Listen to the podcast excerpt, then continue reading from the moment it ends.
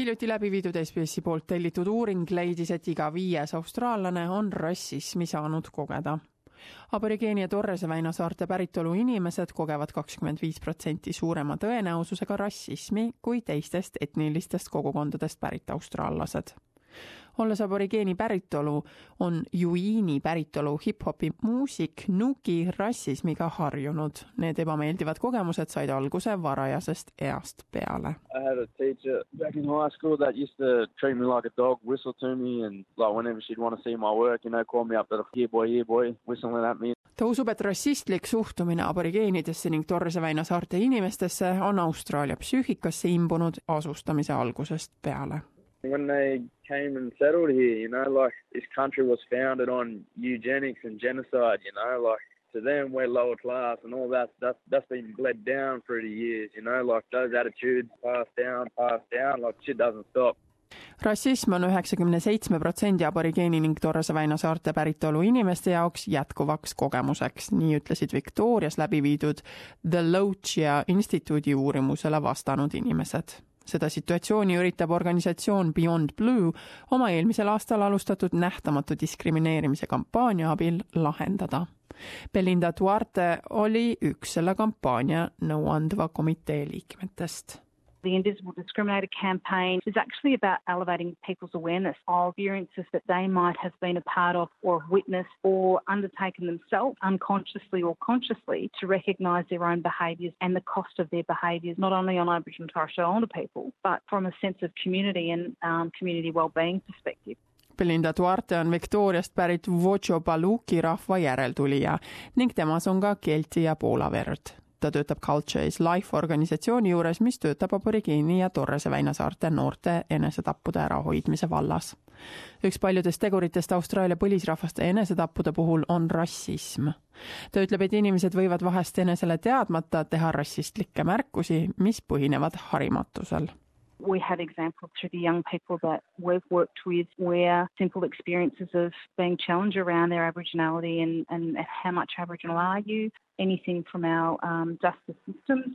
um, to our employment places, or more recently on the sporting um, field or communities where there's been a number of reports of vilifications that have occurred and discrimination that's occurred Andrew Meehan on sõltumatu riikliku võrgustiku nimega Antar juht. Nende eesmärk on toetada aborigeeni ja Torrese väinasaarte päritolu inimeste õigusi ning neid austada.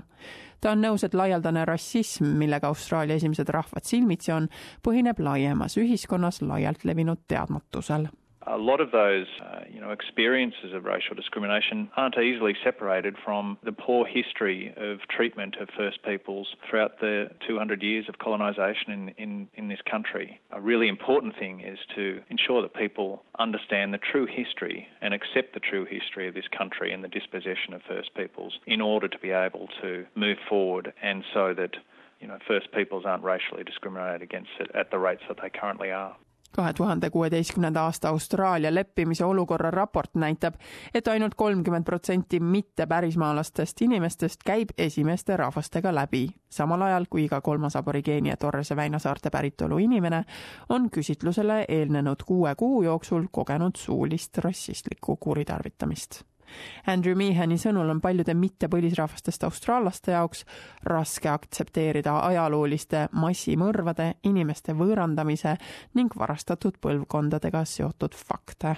Those things are difficult for people to understand, and it's difficult for people to realise that their ancestors were the ones that were doing these these things and implementing the sorts of programs and policies and approaches that resulted in such poor uh, treatment of First Peoples of this country and dispossession. So I think that that is is a barrier for some people, but it doesn't help to sort of bury that shame or pretend that that history didn't happen. Nuki, kes on kahekümnendates aastates, ütleb, et rassistlikud solvangud ajasid teda ennem vihale, kuid nüüd on ta leidnud viisi, kuidas nendele vastata. Music was my way out. It was like, like a healing process for me, you know, like whatever emotions I felt, I put it into the microphone, you know, that's how I got rid of it mõlemad nii Nuki kui Belinda Duarte kutsuvad inimesi üles mitte tolereerima rassistlikku käitumist ning sellele vastu hakkama in order for people to feel safe, whether it's from a cultural or religious perspective, that these incidents need to be reported to the organisations, that, bodies that are responsible for providing the environment that is safe for people to be in. ning Nuki astub rassismile vastu oma muusika kaudu. Deal with it, call it out, say that it's wrong. The whole reason why I've done music is because like I wanted to fight it, you know, and that's my way of fighting it. You know, I challenge the stuff head on,